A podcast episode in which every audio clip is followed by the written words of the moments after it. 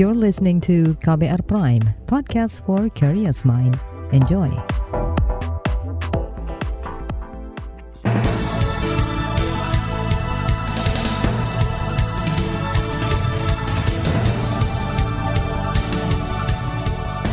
Selamat pagi saudara, senang sekali kami bisa menjumpai Anda melalui program Buletin Pagi edisi Selasa 8 November 2022. Bersama saya Naomi Liandra. Sejumlah informasi pilihan telah kami siapkan, di antaranya Jokowi didesak bentuk tim khusus telusuri dugaan aliran dana tambang ilegal ke Polri. Ekonomi kuartal 3 tumbuh 5,72 persen. Banjir dan longsor terjang beberapa daerah di Jateng dan Jatim. Inilah Buletin Pagi selengkapnya. Terbaru di Buletin Pagi. Saudara Kepala Badan Reserse Kriminal Kabareskrim Polri Agus Andrianto dilaporkan ke Divisi Profesi dan Pengamanan Propam terkait dugaan menerima aliran dana tambang ilegal di Kalimantan Timur dari Ismail Bolong. Laporan itu dibuat oleh Ketua Majelis Jaringan Aktivis Pro Demokrasi Prodem Iwan Sumule kemarin. Iwan mengklaim memiliki dokumen penyelidikan polisi yang memuat dugaan aliran dana tersebut. Dia mendesak Propam Polri mengusut tuntas kasus ini. Isu dugaan aliran dana ke kabar Agus Andrianto menyeruak usai video pengakuan Ismail Bolong viral. Dia merupakan anggota Polresta Samarinda, Kalimantan Timur. Ismail pensiun dini pada Juli lalu. Selain sebagai polisi, Ismail mengaku bekerja menjadi pengepul tambang batu bara ilegal. Dalam video pengakuannya, Ismail menyebut memberi setoran uang ke kabar eskrim hingga mencapai 6 miliar rupiah. Namun belakangan Ismail meralat dan mencabut pernyataannya. Menteri Koordinator Bidang Politik Hukum dan Keamanan Menko Polhukam Mahfud MD mengatakan video pengakuan itu dibuat Ismail pada Februari lalu atas tekanan dari bekas Karo Paminal Propam Hendra Kurniawan. Mahfud menduga sedang terjadi perang bintang di tubuh Polri. Dalam situasi ini, para pejabat berpangkat bintang saling membuka kartu truf. Anggota Komisi Hukum DPR Hinea Panjaitan mendorong Mahfud memanggil petinggi Polri yang diduga terlibat permainan tambang ilegal. Karena ini serius, kita minta Pak Mahfud untuk menyampaikan lebih lengkap dan menindaklanjutinya. Kalau disebut menggandeng KPK ya, dan masalah begitu, ya sudah dia kan punya instrumen. Tinggal panggil Polri, panggillah institusi Polri, rapatlah mereka. Bicarakan di situ, tuntaskan di situ apa masalahnya. Dan kalau memang sudah tidak bisa diselesaikan, tentu bisa juga dia ke KPK. Janganlah melepas begitu saja. Harus ada follow up dan tindak lanjut yang dia harus selesaikan. Dan dia punya kewenangan untuk itu memang. Hinca menambahkan komisinya masih akan mendalami dugaan setoran uang hasil tambang ke kabar eskrim Agus Andrianto dan petinggi Polri lainnya. Dia memastikan dalam waktu dekat DPR bakal memanggil Kapolri Listio Sigit Prabowo untuk meminta penjelasan terkait isu tersebut. Jaringan Advokasi Tambang Jatam menyebut isu permainan polisi dalam aliran dana tambang ilegal bukan hal baru. Koordinator Jatam, Melki Nahar, mengatakan hal itu penting untuk ditelusuri. Nah, karena kan di situ di, dijelaskan soal aparat keamanan memodali para penambang, lalu kemudian hasil produksinya mereka uh, kumpulin lalu kemudian dijual dan mereka dapat keuntungan lalu membagi keuntungan itu entah itu ke penambangnya, ke polisi tentu saja yang besar, termasuk menyebar ke uh, para jenderal yang punya posisi di organisasinya yang sangat tinggi itu. Melki menyebut ada lebih 150 titik tambang ilegal di Kalimantan Timur, namun baru tiga yang diproses polisi. Kata dia, sebagian besar tambang ilegal dibiarkan beroperasi. Jata mendesak adanya penegakan hukum dan pembenahan secara menyeluruh. Di lain pihak, pengamat kepolisian dari Institute for Security and Strategic Studies, Bambang Surukminto, mendorong Presiden Joko Widodo membentuk tim khusus independen.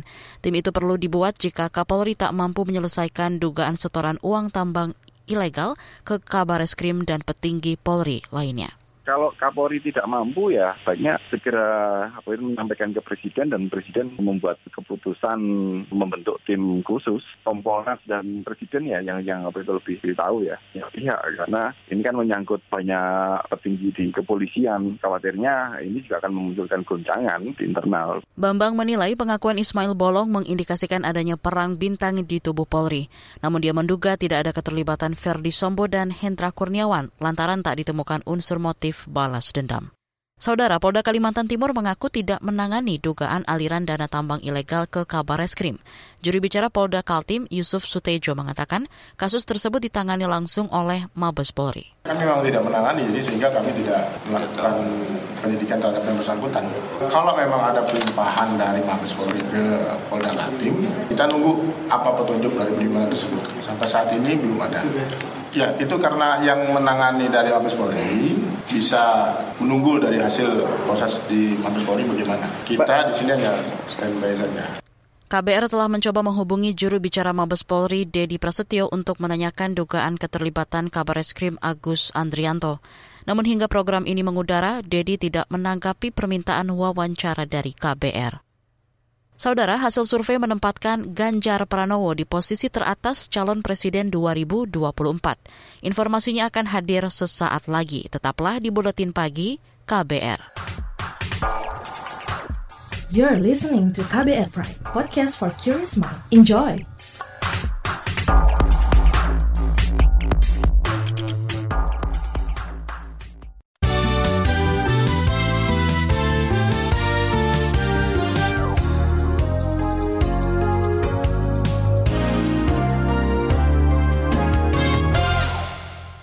Anda sedang mendengarkan buletin pagi KBR.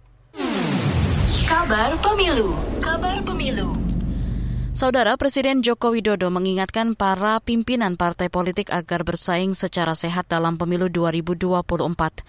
Hal itu disampaikan Jokowi saat memberi sambutan dalam perayaan hari ulang tahun ke-8 Partai Perindo kemarin. Ini sudah masuk, kita sudah masuk ke tahun politik dan apa yang harus kita lakukan adalah menjaga persaingan antar partai itu agar rivalitasnya sehat. Jokowi juga mengingatkan partai politik berhati-hati dalam menetapkan calon presiden dan wakil presiden. Kata dia penentuan tokoh yang diusung akan memengaruhi ambang batas pencalonan presiden. Gubernur Jawa Tengah Ganjar Pranowo membantah pertemuannya dengan Presiden Joko Widodo di Istana Negara kemarin membicarakan soal pemilihan Presiden 2024. Ganjar menyebut pertemuannya dengan Jokowi hanya melaporkan keadaan daerah. Namun ketika disinggung untuk meneruskan program Jokowi, Ganjar tak membantah. Ya semua orang harus bisa meneruskan. Kalau yang kurang baik ya tidak diteruskan, yang baik untuk dikejut kan gitu. Ganjar mengaku mendapat beberapa pesan dari Jokowi, mulai dari pengendalian inflasi hingga penanggulangan bencana. Saudara, survei teranyar dari Lembaga Indekstat menempatkan Ganjar Pranowo sebagai calon presiden 2024 dengan elektabilitas tertinggi. Di bawah Ganjar ada Prabowo Subianto dan Anies Baswedan. Kita ke informasi kesehatan. Kementerian Kesehatan Kemenkes mengklaim tidak ada penambahan penyakit ginjal akut dalam tiga hari terakhir. Juru bicara Kementerian Kesehatan Muhammad Syahril mengatakan, hingga 6 November total kasus mencapai lebih dari 320. Jumlah kematian sebanyak 195 atau setara 60 persen. Syahril menambahkan ada 190 pasien berada pada tingkat stadium 3, sedangkan sekitar 80-an pasien belum diketahui tingkat keparahannya. Beralih ke informasi G20, Mabes Polri mengarahkan mengerahkan sekitar 9.700 personil dan 3.600 lebih pasukan cadangan BRIMOB untuk mengamankan konferensi tingkat tinggi KTT G20 15 hingga 16 November di Bali. Kapolri Listio Sigit Prabowo mengatakan jajarannya harus bisa mereduksi potensi ancaman menjelang puncak pertemuan kepala negara G20 tersebut. Sebab menurutnya acara ini akan menjadi etalase Polri di mata internasional. Tidak boleh ada letupan sekecil apa pun. Keberhasilan presidensi G20 Indonesia akan meningkatkan kredibilitas Indonesia di mata dunia. Syukur Alhamdulillah sampai dengan saat ini seluruh agenda presidensi G20 berhasil terselenggara dengan aman, nyaman, dan lancar. Kapolri Listio Sigit Prabowo mengatakan kepolisian menggelar operasi terpusat dengan Sandi Puri Agung 2022 tanggal 8 hingga 17 November. Operasi ini melibatkan jajaran di Polda Bali, Jawa Timur, dan Nusa Tenggara Barat. Kita ke informasi hukum. Kuasa hukum terdakwa Richard Eliezer, Roni Talapesi, meminta majelis hakim memisahkan sidang kliennya dengan terdakwa lain. Roni beralasan timnya terbatas dalam memberi pertanyaan kepada para saksi. Dalam sidang kemarin ada lima saksi yang hadir dari total 12 yang dipanggil. Kemudian kami dalam hal ini sudah menyampaikan bahwa sebagai status klien kami sebagai GC, kami memohon kepada majelis hakim agar memisahkan pemeriksaan terhadap klien kami. Karena e, terlihat teman-teman hari ini kami sidang dengan tiga tim penasihat hukum sangat terbatas waktunya ya dalam menanyakan kemudian e, menggali keterangan dari saksi-saksi yang dihadirkan ya. Tetapi sekali lagi kami menghargai dan kami menghormati uh, yang menjadi kebijakan dari majelis hakim. Sementara itu, Ketua Majelis Hakim Wahyu Iman Santoso mengatakan persidangan dilakukan sesuai asas sederhana, cepat, dan murah. Menurut Hakim, masih banyak saksi yang belum diperiksa. Richard Eliezer menjadi justice collaborator yang bekerja sama dengan penegak hukum dalam membongkar kasus pembunuhan terhadap Yosua Huta Barat. Kita ke informasi ekonomi. Badan Pusat Statistik BPS mencatat pertumbuhan ekonomi Indonesia triwulan ketiga mencapai 5,72 persen. Jika dibandingkan triwulan sebelumnya, pertumbuhan ekonomi naik 1,81 persen. Berikut pernyataan Kepala BPS Margo Yuwono dalam konferensi pers kemarin. Tren pertumbuhan ekonomi tahunan ini meningkat secara persisten selama empat kuartal berturut-turut ya dengan tumbuh di atas 5 persen sejak triwulan 4 tahun 2021. Yang ini menandakan bahwa pemulihan ekonomi Indonesia terus berlanjut dan menunjuk dan semakin menguat. Margo mengatakan sampai dengan triwulan ketiga 2022, ekonomi Indonesia tumbuh sebesar 5,40 persen. Provinsi di Pulau Jawa menjadi penyumbang utama pertumbuhan ekonomi. Beralih ke berita mancanegara, Wakil Presiden Maruf Amin memimpin delegasi Indonesia dalam konferensi tingkat tinggi KTT Perubahan Iklim PBB atau Conference of the Parties COP ke-27. Konferensi digelar di Republik Arab Mesir 6 hingga 8 November. Indonesia membawa beberapa isu penting dan target dalam upaya pengendalian perubahan iklim. Di antaranya peningkatan ambisi aksi adaptasi dan mitigasi perubahan iklim di negara berkembang, mobilisasi pendanaan perubahan iklim, hingga implementasi akselerasi aksi iklim di masa transisi. Korea Utara menyebut peluncuran rudal dalam beberapa hari terakhir merupakan simulasi serangan terhadap Korea Selatan dan Amerika yang mengadakan latihan perang bersama. Dilansir dari Reuters, tentara Korea Utara mengatakan telah melakukan simulasi serangan terhadap pangkalan udara dan pesawat serta kota besar Korea Selatan. Sementara itu, pejabat Korea Selatan dan Amerika menuding Pyongyang telah membuat persiapan teknis untuk menguji perangkat nuklir yang pertama sejak 2017. Pekan lalu, Korea Utara melakukan uji coba beberapa rudal termasuk kemungkinan rudal balistik antar benua yang gagal. Beralih ke berita olahraga. Dua laga besar akan tersaji di babak 16 besar Liga Champions musim 2022-2023. Dari hasil undian yang digelar kemarin, Liverpool akan bersua raksasa Spanyol Real Madrid. Ini merupakan laga ulangan final Champions musim lalu. Kala itu Madrid menang 1-0 berkat gol Vinicius. Laga besar lainnya akan mempertemukan Paris Saint-Germain dengan Bayern Munchen. Ini adalah pertemuan ketiga PSG versus Bayern dalam empat musim terakhir. Bayern pernah mengalahkan PSG pada Final Champions 2020 lewat gol Kingsley Coman. Sementara itu laga tim besar juga akan tersaji di babak playoff Liga Eropa. Barcelona akan melawan Manchester United untuk memperebutkan tiket ke babak gugur. Di bagian berikutnya akan kami hadirkan laporan khas KBR tentang cukai melejit petani tembakau menjerit. Tetaplah di Buletin Pagi KBR. You're listening to KBR Pride, podcast for curious mind. Enjoy!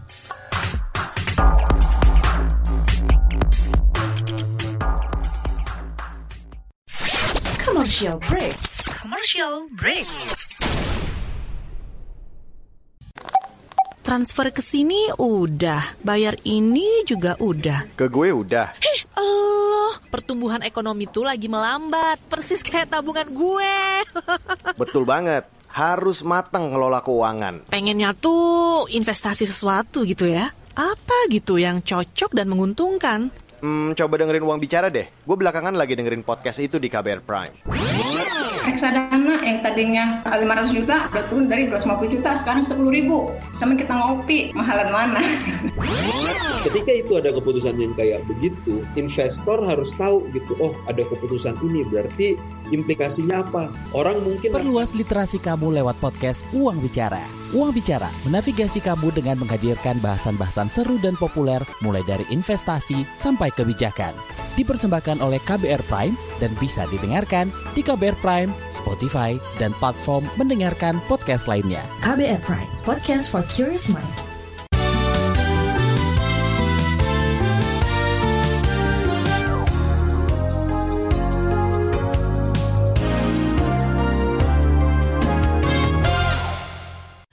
Anda masih bersama kami di Buletin Pagi KBR. Pemerintah memutuskan menaikkan cukai produk tembakau sebesar 10 persen pada tahun depan. Meski diniatkan untuk kebaikan, kenaikan cukai diperkirakan bakal berdampak ke sejumlah sektor seperti petani dan pekerja di sektor tembakau. Seperti apa dampaknya? Berikut laporan khas KBR yang disusun Agus Lukman. Pemerintah memutuskan menaikkan cukai rokok rata-rata 10 persen untuk tahun 2023 dan 2024. Menteri Keuangan Sri Mulyani pada akhir pekan lalu menyebut keputusan diambil dengan sejumlah pertimbangan. Salah satunya untuk menurunkan dan mencegah prevalensi jumlah perokok, terutama perokok anak. Sri Mulyani menyatakan keputusan menaikkan cukai rokok juga tetap mempertimbangkan nasib para petani tembakau dan pekerja di sektor industri tembakau. Namun kita juga memahami bahwa industri rokok memiliki aspek tenaga kerja dan juga dari sisi pertanian, eh, dari sisi hasil tembakau yang juga harus dipertimbangkan secara proporsional. Selain itu, di dalam penetapan uh, cukai tembakau juga perlu diperhatikan mengenai penanganan rokok ilegal yang akan semakin meningkat apabila kemudian terjadi perbedaan tarif dan juga meningkatkan dari sisi cukai rokok tersebut. Sri Mulyani juga menyampaikan melalui media sosial Instagram mengenai rencana pemerintahan Jokowi membatasi impor tembakau. Rencana ini dimaksudkan untuk melindungi petani tembakau dalam negeri. Selama ini, impor tembakau rata-rata mencapai lebih dari 100 juta ton per tahun. Naiknya cukai rokok langsung ditolak para petani tembakau. Salah seorang petani tembakau yang juga pengurus Asosiasi Petani Tembakau Indonesia APTI, Nurtianto Wisnu Brata mengatakan, keputusan pemerintah itu bakal membuat para petani terpuruk. Nurtianto berkaca pada kenaikan cukai rokok yang mencapai 23 persen pada 2020 lalu. Ia mengatakan kenaikan cukai rokok biasanya bakal diikuti kenaikan harga rokok oleh produsen. Untuk menahan harga ini mereka butuh untuk menekan kos biaya produksi mereka. Jadi semua total in, instrumen produksi industri itu yang bisa ditekan tadi hanya tembakau, ya kan? Nah, tembakau itu setelah ditekan harganya oleh industri, itu pasti akan menurunkan pendapatan petani. Sedangkan pendapatan petani ini dihitung dari sisa kos biaya produksi kos produksi petani itu sekarang meningkat cukup tinggi karena satu yang paling utama kenaikan pupuk. Pupuk ini sekarang mahalnya luar biasa. Hmm. Ditambah lagi tenaga kerja. Kalau mereka tidak menaikkan kos untuk tenaga yang ada di sektor pertanian, maka tenaga di sektor pertanian ini akan berlari ke sektor-sektor industri yang lain. Hmm. Nah, sedangkan kenaikan nilai dari hasil pertanian itu tidak sebanding dengan kenaikan nilai dari produk yang dihasilkan oleh industri-industri. Dengan penekanan harga oleh pabrik itu, maka keuntungan petani pasti akan jauh berkurang. Nurtianto mengatakan pada tahun-tahun sebelumnya ketika kenaikan cukai rokok tidak tinggi, petani tembakau makmur.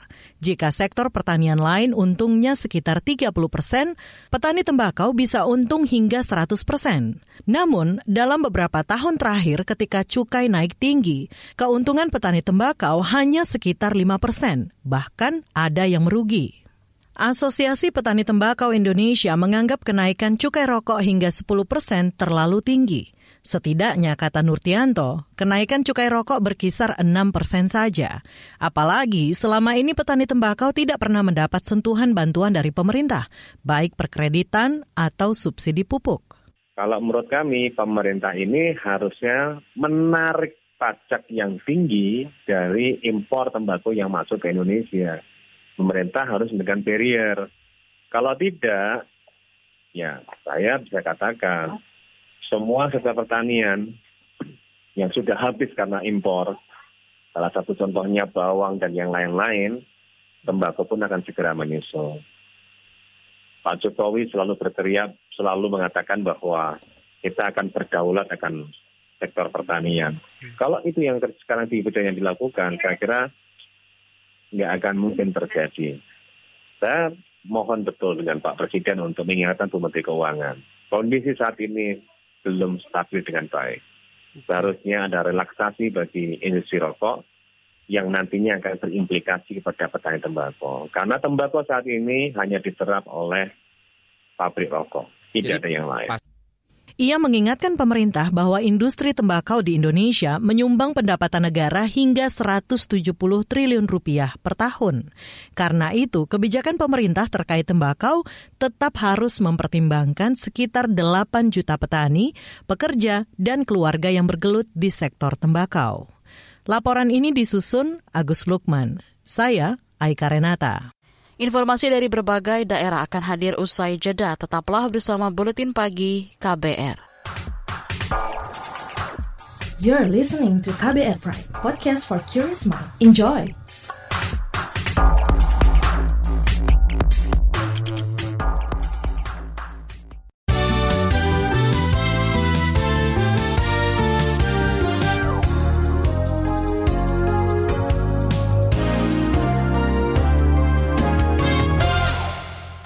Inilah bagian akhir buletin KBR. Saudara, Badan Penanggulangan Bencana Daerah BPBD mencatat ada sembilan daerah di Jawa Tengah dilanda bencana banjir, longsor, dan angin kencang akhir pekan kemarin. Kepala Bidang Kedaruratan Bencana BPBD Jawa Tengah di Kiruli menyebut, sembilan daerah itu antara lain Cilacap, Kebumen, Grobogan, Kendal, Semarang, Pekalongan, Jepara, Batang, dan Demak.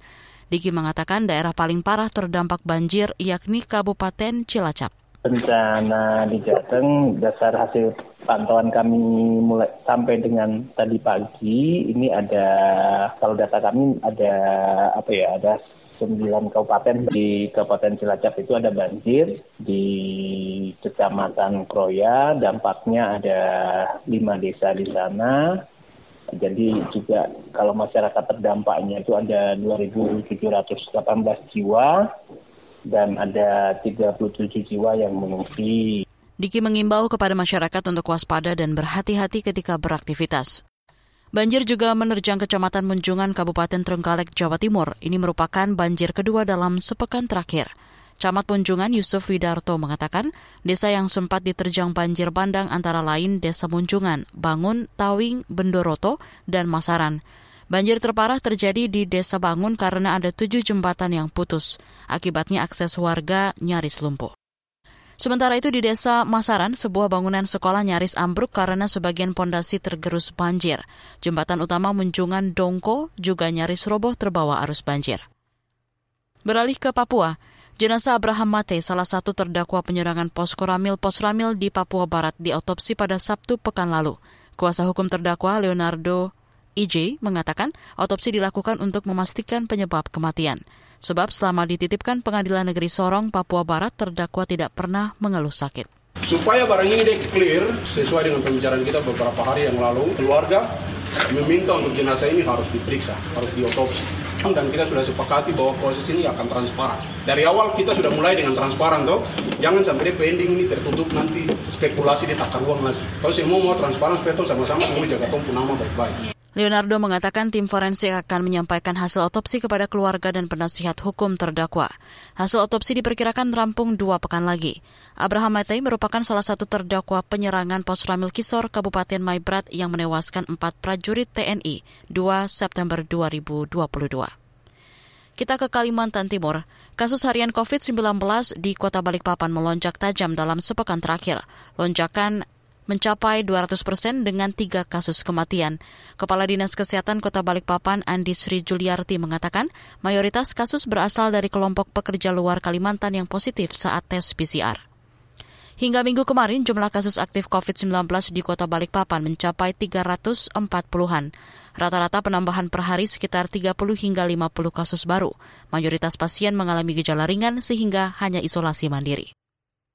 Informasi tadi menutup jumpa kita di Buletin Pagi hari ini. Pantau juga informasi terbaru melalui kabar baru situs kbr.id, Twitter kami di akun @beritaKBR, serta podcast di alamat kbrprime.id. Akhirnya saya Naomi Liandra bersama tim yang bertugas undur diri. Salam.